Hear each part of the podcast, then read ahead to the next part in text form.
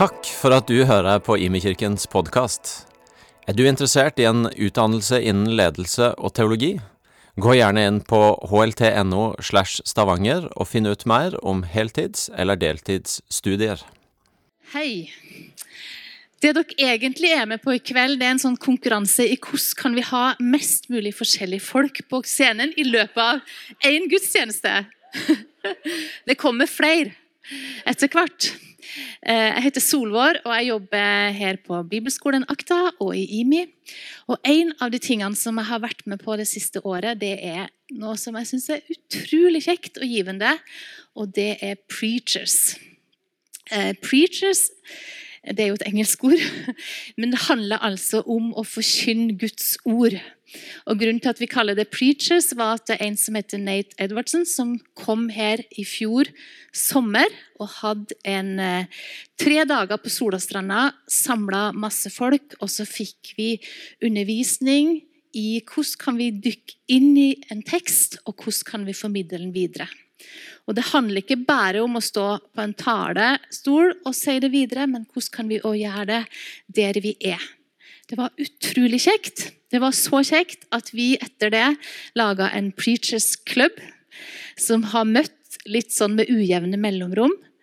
Alle har fått en tekst, og så er det bare sånn Kom og vær forberedt på å tale.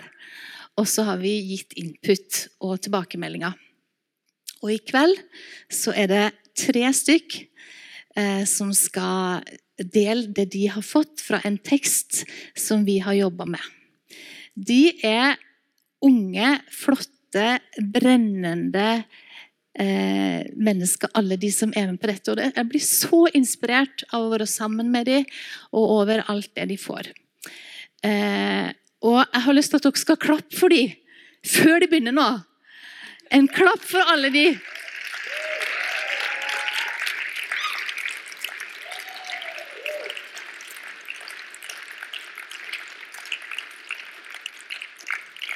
Dere er så heia på av alle her. Eh, og jeg har bare lyst til å be en bønn, og så skal jeg lese teksten. Og så skal de få komme på. Gode Gud, jeg takker deg for Anders og Sara og Roald. Og takker deg for det som du har gitt dem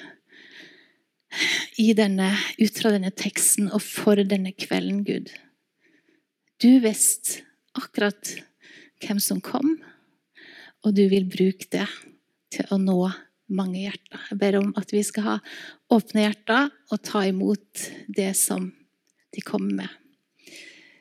Du er for oss, du er for de, eh, og du vil gi oss noe som er uendelig godt for oss.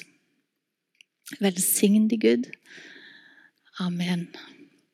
Og så skal jeg lese fra Apostlenes gjerninger 8, 26 det er historien om den etiopiske hoffmann. Kristus blir forkynt for en etiopier. En Herrens engel talte til Philip og sa:" Bryt opp og gå mot sør langs den veien som går fra Jerusalem til Gaza. Dette er et ørkenlandskap. Så sto han opp og gikk. Og se, en etiopisk hoffmann med stor myndighet under Kandake, dronningen over etiopierne, en mann som hadde ansvar for hele skattkammeret hennes, var kommet til Jerusalem for å tilbe. Han var på vei tilbake igjen og satt i vognen sin og leste profeten Jesaja. Da sa ånden til Philip, gå bort og hold deg ved denne vognen. Så sprang Philip bort til ham og hørte ham lese fra profeten Jesaja. Og han sa, 'Forstår du det du leser?'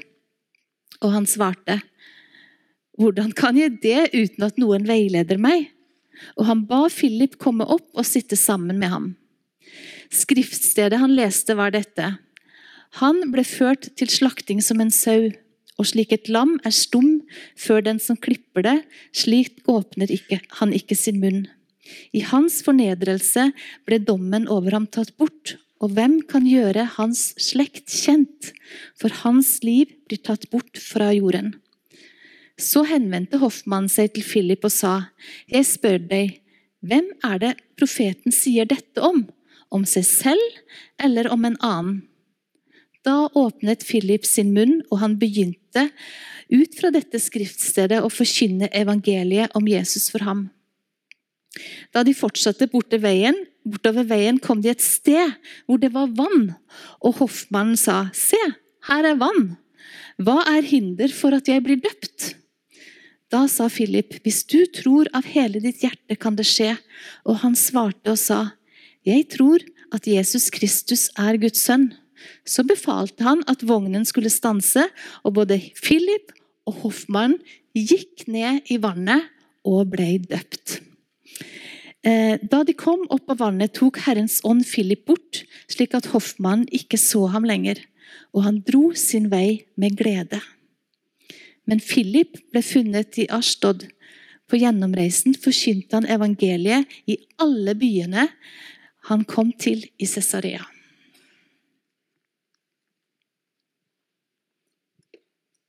Altså Solvår glemte å si det, men det er sånn konkurranse på heipunktet etterpå. Den som greier å huske flest navn fra scenen. Det er bare å komme ut der, og vinneren får en sjokolade. Det var tull, hvis noen ble usikker på det. Um, altså, Karine nevnte det i stad. Altså, dette er ikke bare en Dette er bare, ikke bare et nytt, nytt møte, liksom. Dette er ikke bare én av 52 eller 53 søndager, alt etter hvor, hvordan kalenderen ser ut det året. Dette er faktisk en mulighet til å møte Gud. Og jeg er ikke egentlig her for å liksom si noen kloke ord. Da, da hadde jeg ikke giddet. Da hadde jeg gått hjem og gjort det med mamma og pappa i stedet. på en måte. Eh, dette er først og fremst en mulighet til at Gud kan tale inn i livet ditt og for så vidt inn i mitt liv òg. Og så skal vi eh, diskutere gjerne teologi og ja, livsvalg og hvordan det vil se ut å følge Jesus og sånn. Men det er ikke derfor jeg står her. Det er først og fremst for å gi videre noe som jeg allerede har fått. Med det sagt så er mitt navn Anders. Eh, jeg er 22 år, kommer fra Porsgrunn. Og bor her i Stavanger og studerer markedsføringsledelse på BI. Eh, og jobber også med å lede unge voksne her på huset, og som journalist i Jærbladet. Det er veldig gøy. Uh, og i dag så skal jeg snakke om en ting som, som er helt sentralt for det å være en etterfølger av Jesus. Og det er det ordet som vi kaller for kall. Um, og det er egentlig en litt sånn utfordrende ting å snakke om.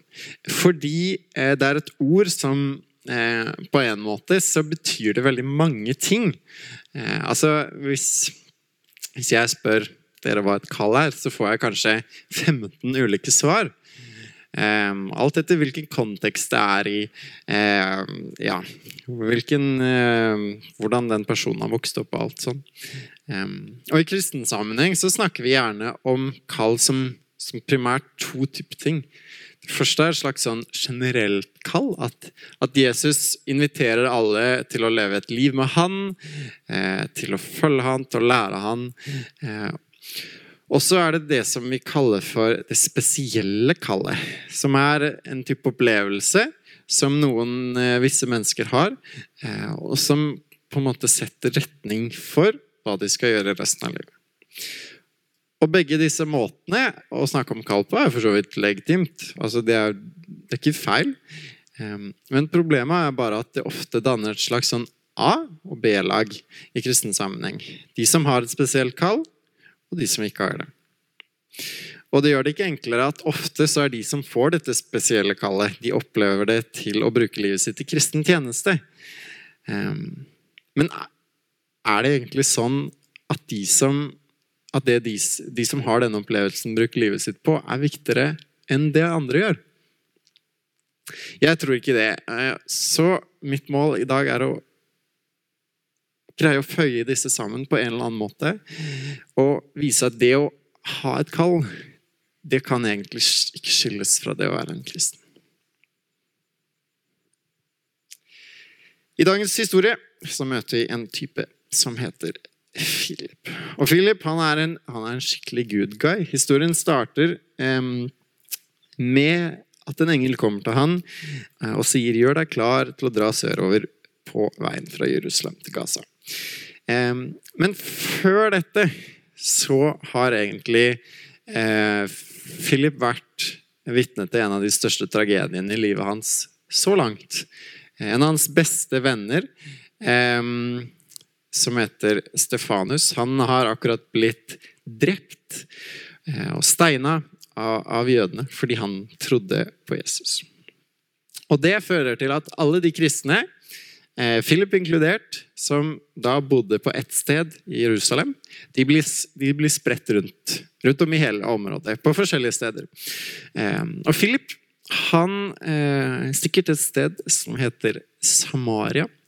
Eh, til et, et, folkeslag som var nært beslekta med jødene, men som, som eh, ja, De likte ikke hverandre, for å si det sånn. Eh, men der så forteller han disse om Jesus, han forkynner evangeliet for dem, og det bryter ut en, en stor vekkelse. Mange kommer til tro, eh, og mest sannsynlig så er Philip den første som krysser den barrieren etter pinsedag, etter at Jesus har stått opp fra de døde, og som gjør at, at disse menneskene kommer til tro. Og midt i denne, denne suksessen, om du kan kalle det, denne vidunderlige opplevelsen, der Gud griper inn, der masse mennesker kommer til tro, så får han beskjed av en engel at du skal dra ut i ødemarken, til et sted der det egentlig aldri er noen mennesker. Der ingen skulle tro at noen kunne bo, om du vil. Og du vet ikke hvorfor du går dit. Du skal bare, du skal bare gå i vei. Så Philip han sier ok, da går jeg, da. Og så skjer det utenkelige, som ikke er så utenkelig for oss som har lest historien. Men han møter en mann. Og denne mannen han er ikke en hvilken som helst mann, han er en etiopisk hoffmann. Og så tenkte jeg litt Ja, det sier jo ikke meg så mye. Har jeg liksom en, en moderne versjon av det? Og Det står at han hadde ansvar for liksom skattkammeret. Så da tenker jeg at liksom en moderne oversettelse kunne vært Frankrikes finansminister. Se for deg liksom limousin, fire livvakter. Travende, ja, kanskje ikke travende rundt i ørkenen, da, men eh, kanskje inni, langt inne i indre Rogaland fylke. Jeg vet ikke. Uansett eh, Philip ser, ser, denne mannen, eh, og idet han ser han, så, så, sier Gud sånn til han. Gå bort til vognen og hold deg tett opp til den. Så Philip han springer bort, og så hører han Oi, han leser fra Isaiah. Det er jo en jødisk skrift. Det var litt rart. Så han spør forstår du hva du leser egentlig. Og så sier hoffmannen nei, jeg gjør egentlig ikke det. Det er ingen som har forklart det fra meg. For meg. Og det blir en invitasjon til å komme opp i vogna, inn til finansministeren. Jeg hadde vært sånn øh, Hva gjør jeg her? Eh, og For å gjøre en lang historie kort, så forklarer han hvem Jesus er, med utgangspunktet i den fortellingen som han leste. Og Hoffmann spør etter hvert her er det vann. Hva skal til for at jeg blir døpt? Hvis du tror på Jesus, så kan det skje. Ja. Philip han er for meg et forbilde. Han, han var i utgangspunktet en skikkelig bra fyr. Valgt eh, etter at kirka liksom begynte å vokse, og det ble et organisasjonsproblem. Det litt for mange mennesker, litt for mye økonomi og ja, ting å administrere, så er de nødt til å velge ut eh, noen folk som kan ta seg av det. Som kan forvalte pengene de har, som kan ta seg av de fattige og holde litt styr på ting. Så de velger ut de beste av de beste. Og Philip, sammen med Stefanus, er, er en av disse. Og Philip, han, han, er noen, han er ikke noen typisk pioner. Jeg tipper han er litt sånn som dagens, eh, dagens økonomi- og administrasjonsarbeidere. Bare Jurkirken AS. Um, ja, han var ikke noen, ikke noen, grensesprengende pioner, sånn som, som Paulus. Han var ikke noen kirkeleder som inspirerte masse mennesker, slik som Peter. Men allikevel så var det han. Han som først brøt barrieren mellom det jødiske og det samaritanske folk. Og hvis vi skal tro tradisjonen, så var det også han som la hjørnesteinen for det som ble den etiopiske kirka.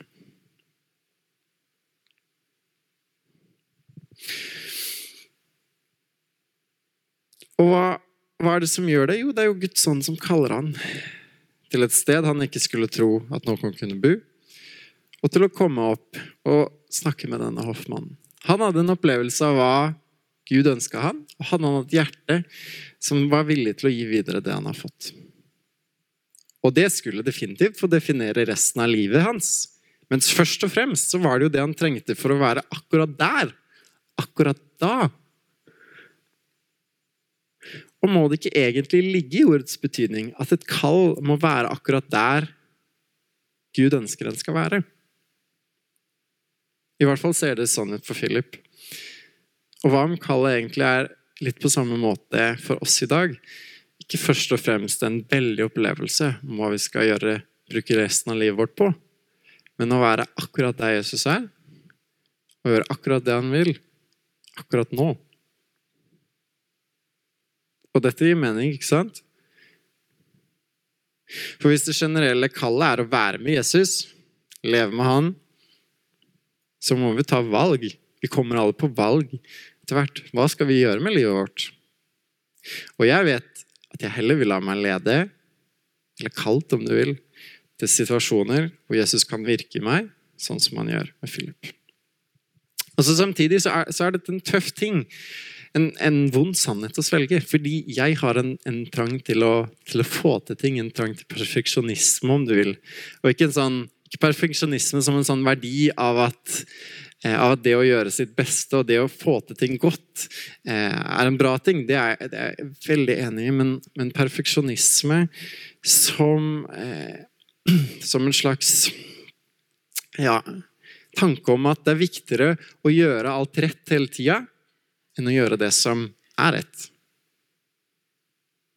Skjønte du den? Istedenfor å få til allting hele tida og ta de rette valga.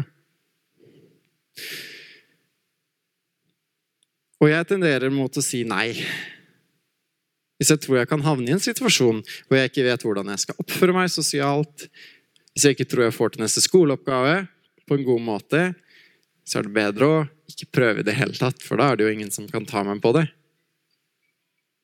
Jeg er redd for å drømme, for hva hvis jeg ender opp med å lengte etter noe, jobbe for noe, så klarer jeg ikke å oppnå det? Hva skjer da? Jo, det er jo skam.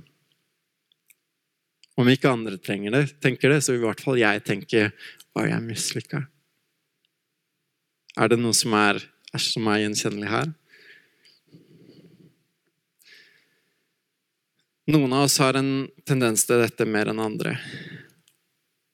Og jeg vet ikke med deg, men en som blir satt til å være økonomi- og administrasjonsansvarlig, han er dømt til å ha litt mer enn det, av det enn de fleste, tenker jeg. Når det var sist gang du hørte om en regnskapsfører som sa liksom, ja, litt skatt her og litt skatt der, er det så farlig, liksom? Og jeg er helt sikker på at Philip han gjorde tjenesten sin med største iver og med, med ytterste presisjon. Men når han hørte Guds stemme kalle, så nølte han ikke med å sette kroppen i bevegelse. Og vil du egentlig la livet ditt styres av tilfeldigheter og omstendigheter? Eller han som skapte alt du ser, og som kjenner deg helt? Selv om min kropp stritter imot, så vet jeg at jeg vil velge lydighet til Jesus over perfeksjonisme.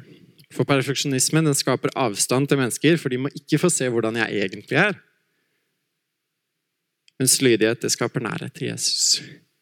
For de er helt avhengig av at han møter opp der jeg ikke strekker til. Og det er verdt det. Det er min bekjennelse at det er verdt det fordi Jesus har vært det. Fordi jeg, ikke vil, jeg vil ikke være noe annet sted enn der han her. Det evige liv er å kjenne han. Det er å være sammen med han og gjøre som han gjør, sammen med han.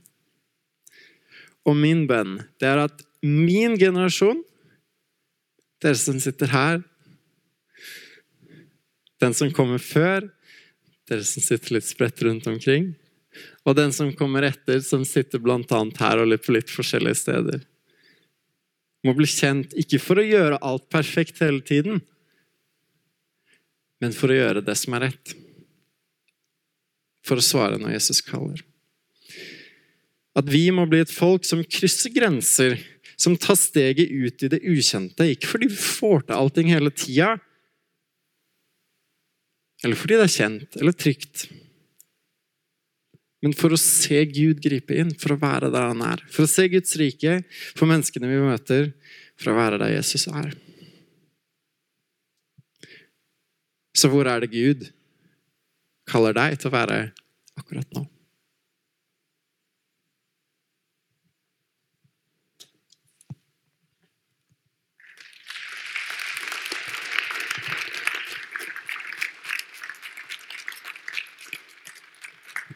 Ja vel. Eh, mitt navn er Sara. Eh, kommer opprinnelig fra Kristiansand. Uhu. Eh, Flytta hit for sånn ca. syv år siden. Gått litt ut av telling, men jeg tror det er syv. Da jeg gikk på Akta bibelskole.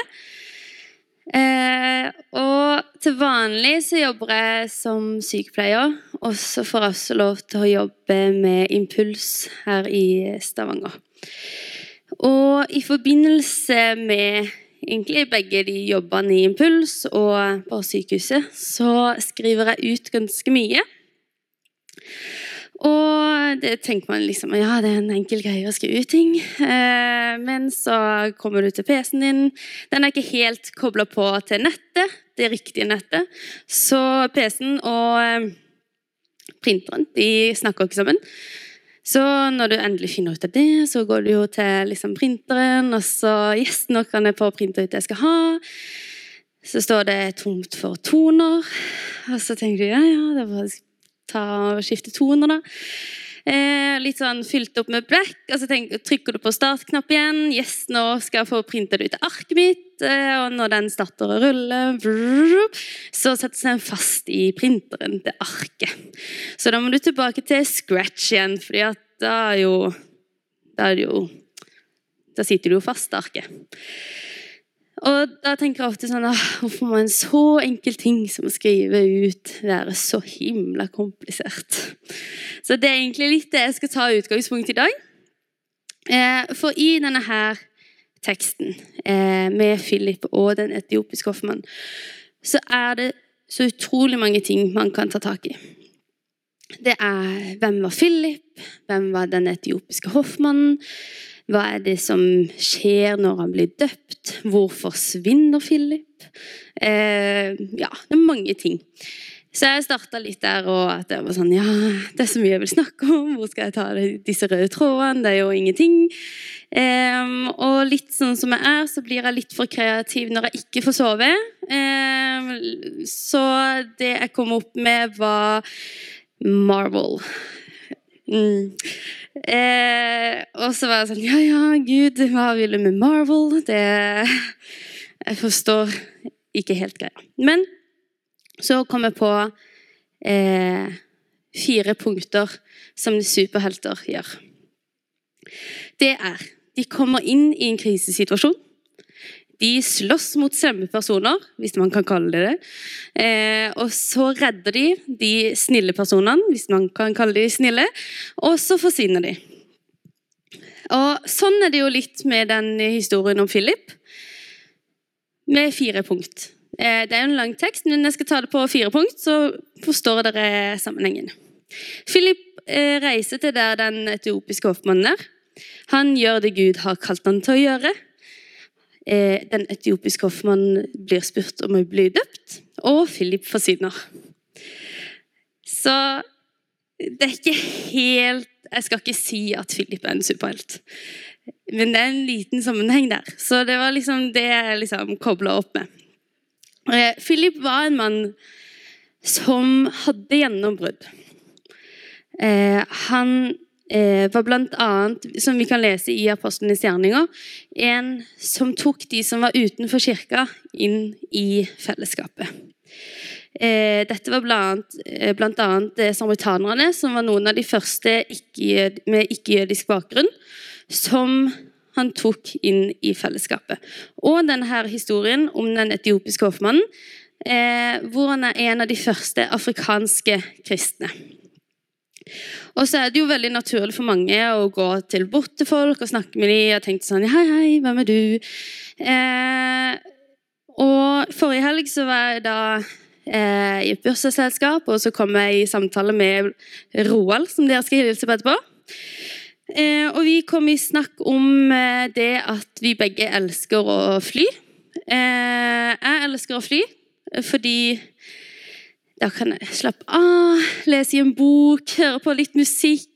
Se ut av vinduet, helst på vindusplass, så at du kan eh, nyte alt det som er utenfor. Og liksom stenge av verden. Roald, derimot, han er en person som bukker bevisst sete i midten. Med én på hver side. To muligheter for å snakke med folk. Eh, tar initiativ til samtaler. Og selvfølgelig, hvis du da tar på deg et sånn noise cancelling headset, prikker henne på skuldra og sier 'hei, hei, jeg vil ha en samtale med deg'. Ja. Så eh, Nå skjønner jeg hvem Roald er. Ja. Men det som er interessant i denne her samtalen med Roald hadde, det var alle de samtalene han har fått i løpet av disse flyturene. For det er ikke bare det at han vet hva de heter, eller av og til så vet du ikke hva de heter engang, men eh, at du blir kjent med dem, han tar, eh, vet hvor de skal, han vet hva de skal gjøre der de skal, han eh, vet hva de jobber med, osv. Og det, liksom, han kommer og snakker med dem om hva som helst. og eh, ja, Det hadde jo ikke funnet meg om han hadde blitt invitert i et bryllup eller noe sånt på veien. Og dette her er jo helt fjernt for min del. Eh, for min hjerne vil gjerne være ett, to, tre steg foran. Eh, så hvis jeg tenker på et spørsmål, så vil jeg gjerne vite svaret før jeg stiller spørsmålet, og så vil jeg vite hvor samtalen går videre. Eh, og man kan jo ikke starte en samtale på et fly med 'hvor er det du skal'? For vi sitter på samme fly, så vi skal jo samme plass. Så det blir veldig unaturlig for meg å ha en samtale på et fly. For ja, hvor skal man starte? Og eh, når jeg da tenker i forhold til samtalen som Eller samtalene som Roald har, og denne her historien om den etiopiske hoffmannen, så er det veldig lett å gjøre det veldig komplisert. For man kan ofte tenke sånn Ja, har jeg noe bra å komme med? Dette her er ikke naturlig for meg. Jeg er ikke en sånn person som ja, er overalt, snakker med hvem som helst og litt sånn. Men hvis man ser veldig nøye på det, så er det ikke det at Philip tar så veldig mye initiativ. Det er han som eh, starter det, eh, med å gå bort og sier 'Forstår du hva du leser?' Det den etiopiske hoffmannen kunne sagt, var nei. Eh, eller lyvd og si ja. Eh, men han tar et steg og sier det er ingen som har forklart meg dette. Og der har du åpningen på en samtale. Og det er den etiopiske hoffmannen som òg tar initiativ når de ser et vann, med å si 'her er det et vann, hva skal til for at jeg skal bli døpt'? Så er det virkelig så komplisert? Eller er det så enkelt som det kanskje høres ut? For eh, som sagt så kjenner jeg meg ikke i sånn Jeg kunne sagt at dette her kjenner jeg meg ikke igjen i. Jeg er ikke en misjonær, jeg er ikke den som reiser rundt, jeg er ikke den som snakker med alt og alle og hvem som helst. Så når man leser en sånn tekst som dette med den etiopiske hoffmannen, så er det fort å si ja, ja, men den handler om noen andre. Men vi kan ikke alle være Philip, men vi kan lære veldig mye av hvem han var. For eh, han gjør seg disponibel. Han tar initiativ til å ha en samtale, men han bruker òg tid til å lytte. Og er det kanskje ikke så komplisert som man tenker at i, i noen situasjoner så er det veldig enkelt. Hvis man da tenker at i hvilke situasjoner er det Gud har plassert meg i. Og der vi tenker hvordan havnet jeg her? For det er kanskje i akkurat de situasjonene det vi tenker hvordan havnet jeg her, at Gud har lyst til å bruke det til akkurat det han har tenkt til. Og da at han også har lyst til å gjøre noe gjennom det.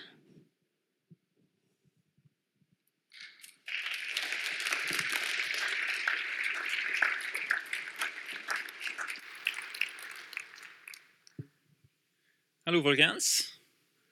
Så nå har noen Anders snakka om eh, Philip, og Sara snakka om meg. Og... så da får jeg litt tid til å snakke om egentlig det jeg vil. Uh, jeg heter Roald. Jeg eh, studerer teologi her i Stavanger. Uh, og i den, I den anledning så har jeg faktisk praksis med The Send. Så vi trenger faktisk fortsatt folk til å hjelpe med litt sånn uh, rundtringing der. Så jeg kommer til å stå jeg og Lars ute i Heiplassen heiplassen, eh, heipunktet etterpå. Og eh, hvis at det er noen dere kjenner at dere har lyst til å bare ta noen timer eh, dagene 11. til 14. juni og bare hjelpe litt å ringe, gjerne gjør det. Så da, Philip Dere har aldri hørt historien, men jeg syns dette er en så kul historie. Det er historie som er fullt av Gud. Det begynner med at Philip møter en engel som sier 'gå sørover langs en eller annen vei'.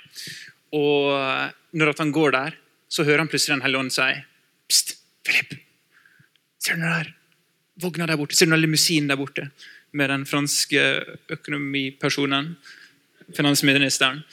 Eh, og Philip går bort, eh, og det er nå bare et helt gudmøte. Der at eh, han her sitter faktisk og leser i Jeremia, Jesaja. Jesaja. Og uh, Han fordelte evangeliet, Philip, og Hoffmann blir døpt. Når de kommer opp av vannet, så tar bare Gud og puffer Philip vekk. Star Trek-style. Jeg syns den var veldig morsom. Men ok.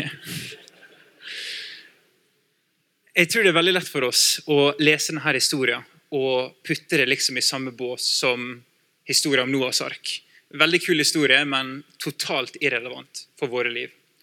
Men det, det er ikke historien nå har sagt dette. Dette er faktisk historie, en historie fra den tidlige kirka.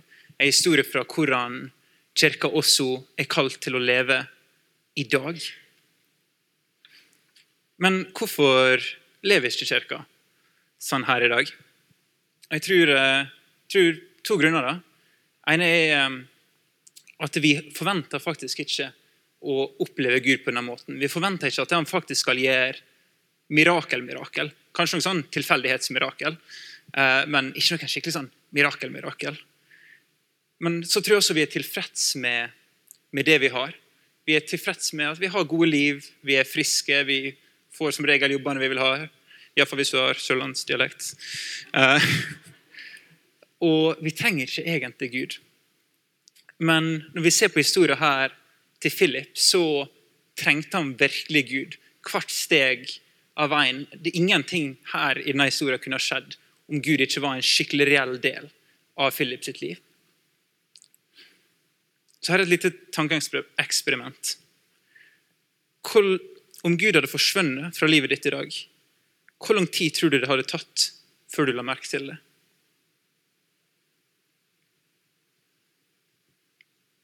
Jeg tror det kunne tatt litt tid.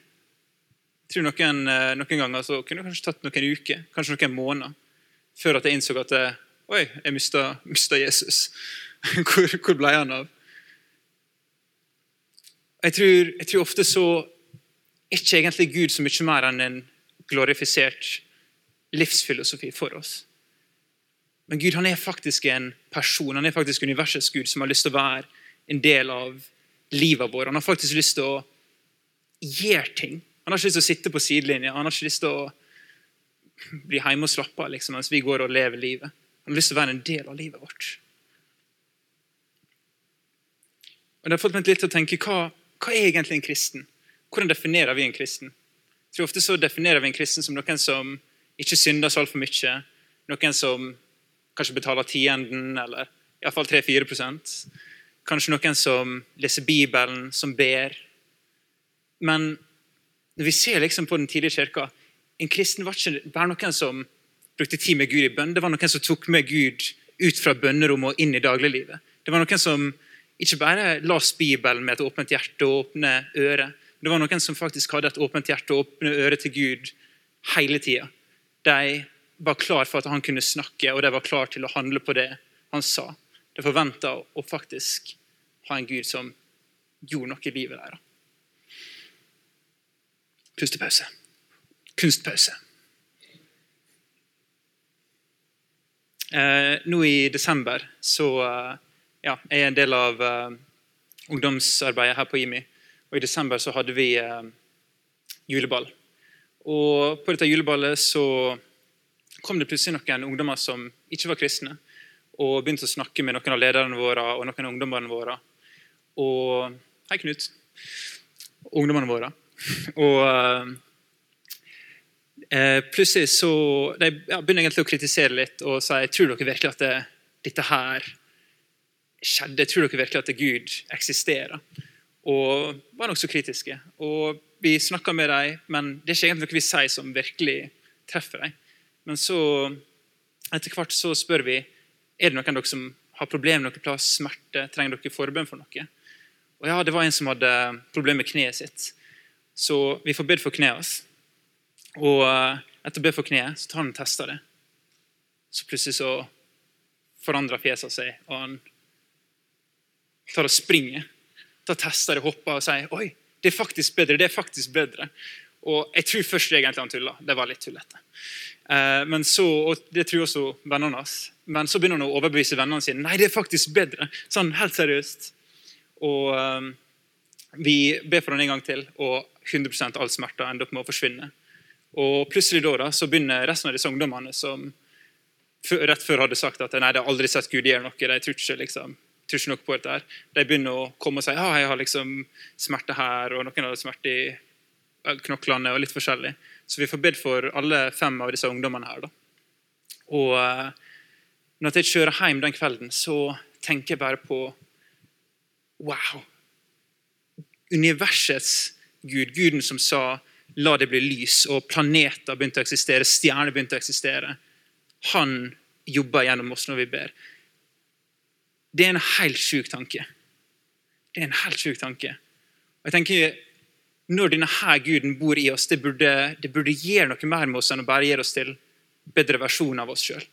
Det burde faktisk vise seg i livet vårt. Det burde faktisk flyte over på de, på de rundt oss. Men jeg tenker også en tredje grunn til at vi ikke opplever Gud som Philip gjorde. Jeg tror vi ofte føler oss uverdige. Vi tenker Gud kan ikke bruke meg. Og Dette var noe jeg, jeg sjøl sleit veldig med når jeg først uh, følte Gud lede meg til å begynne å be for syke.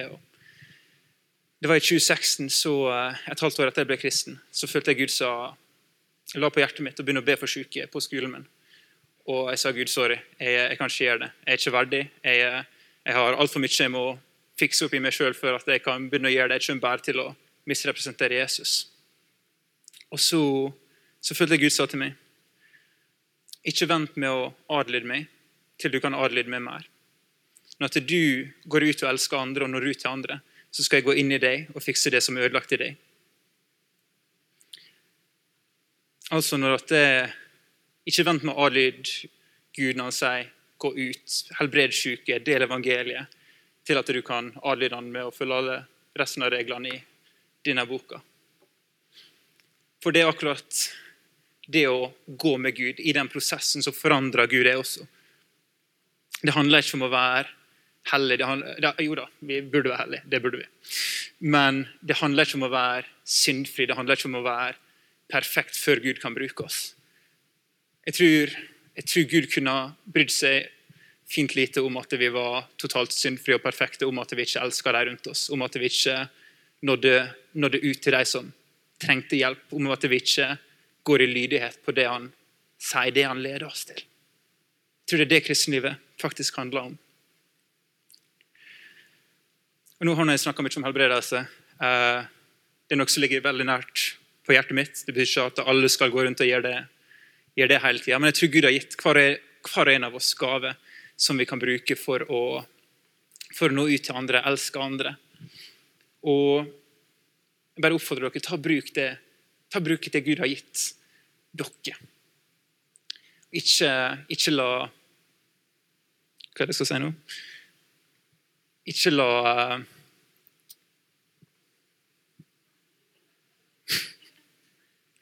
Forvent at Gud faktisk kan bruke deg. Ikke vær tilfredsstilt med, med, det du har nå. Faktisk lengt etter at Gud kan gi mer i livet ditt. Og ikke tenk at du er uverdig. Gud kan bruke en uperfekt 16-åring, Gud kan snakke gjennom et esel, og jeg tror kanskje han kan bruke det også. Så jeg tar, avslutter med en liten bønn her. Jesus, takk for du elsker oss. Takk for at du har lyst til å bruke oss og nå ut til andre gjennom oss. Ber her at du, du kommer og snakker til oss. Vær en konkret og reell del av våre liv. Vi elsker Jesus. Amen.